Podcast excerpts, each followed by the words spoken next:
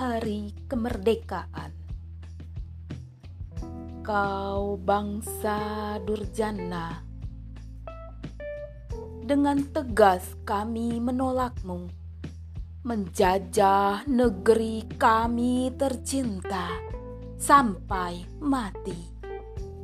Kami akan menuntut kemerdekaan kami sampai mati kami akan merebut hak kami sebagai putri bangsa yang telah kau injak harga dirinya, yang telah kau robek ijahnya.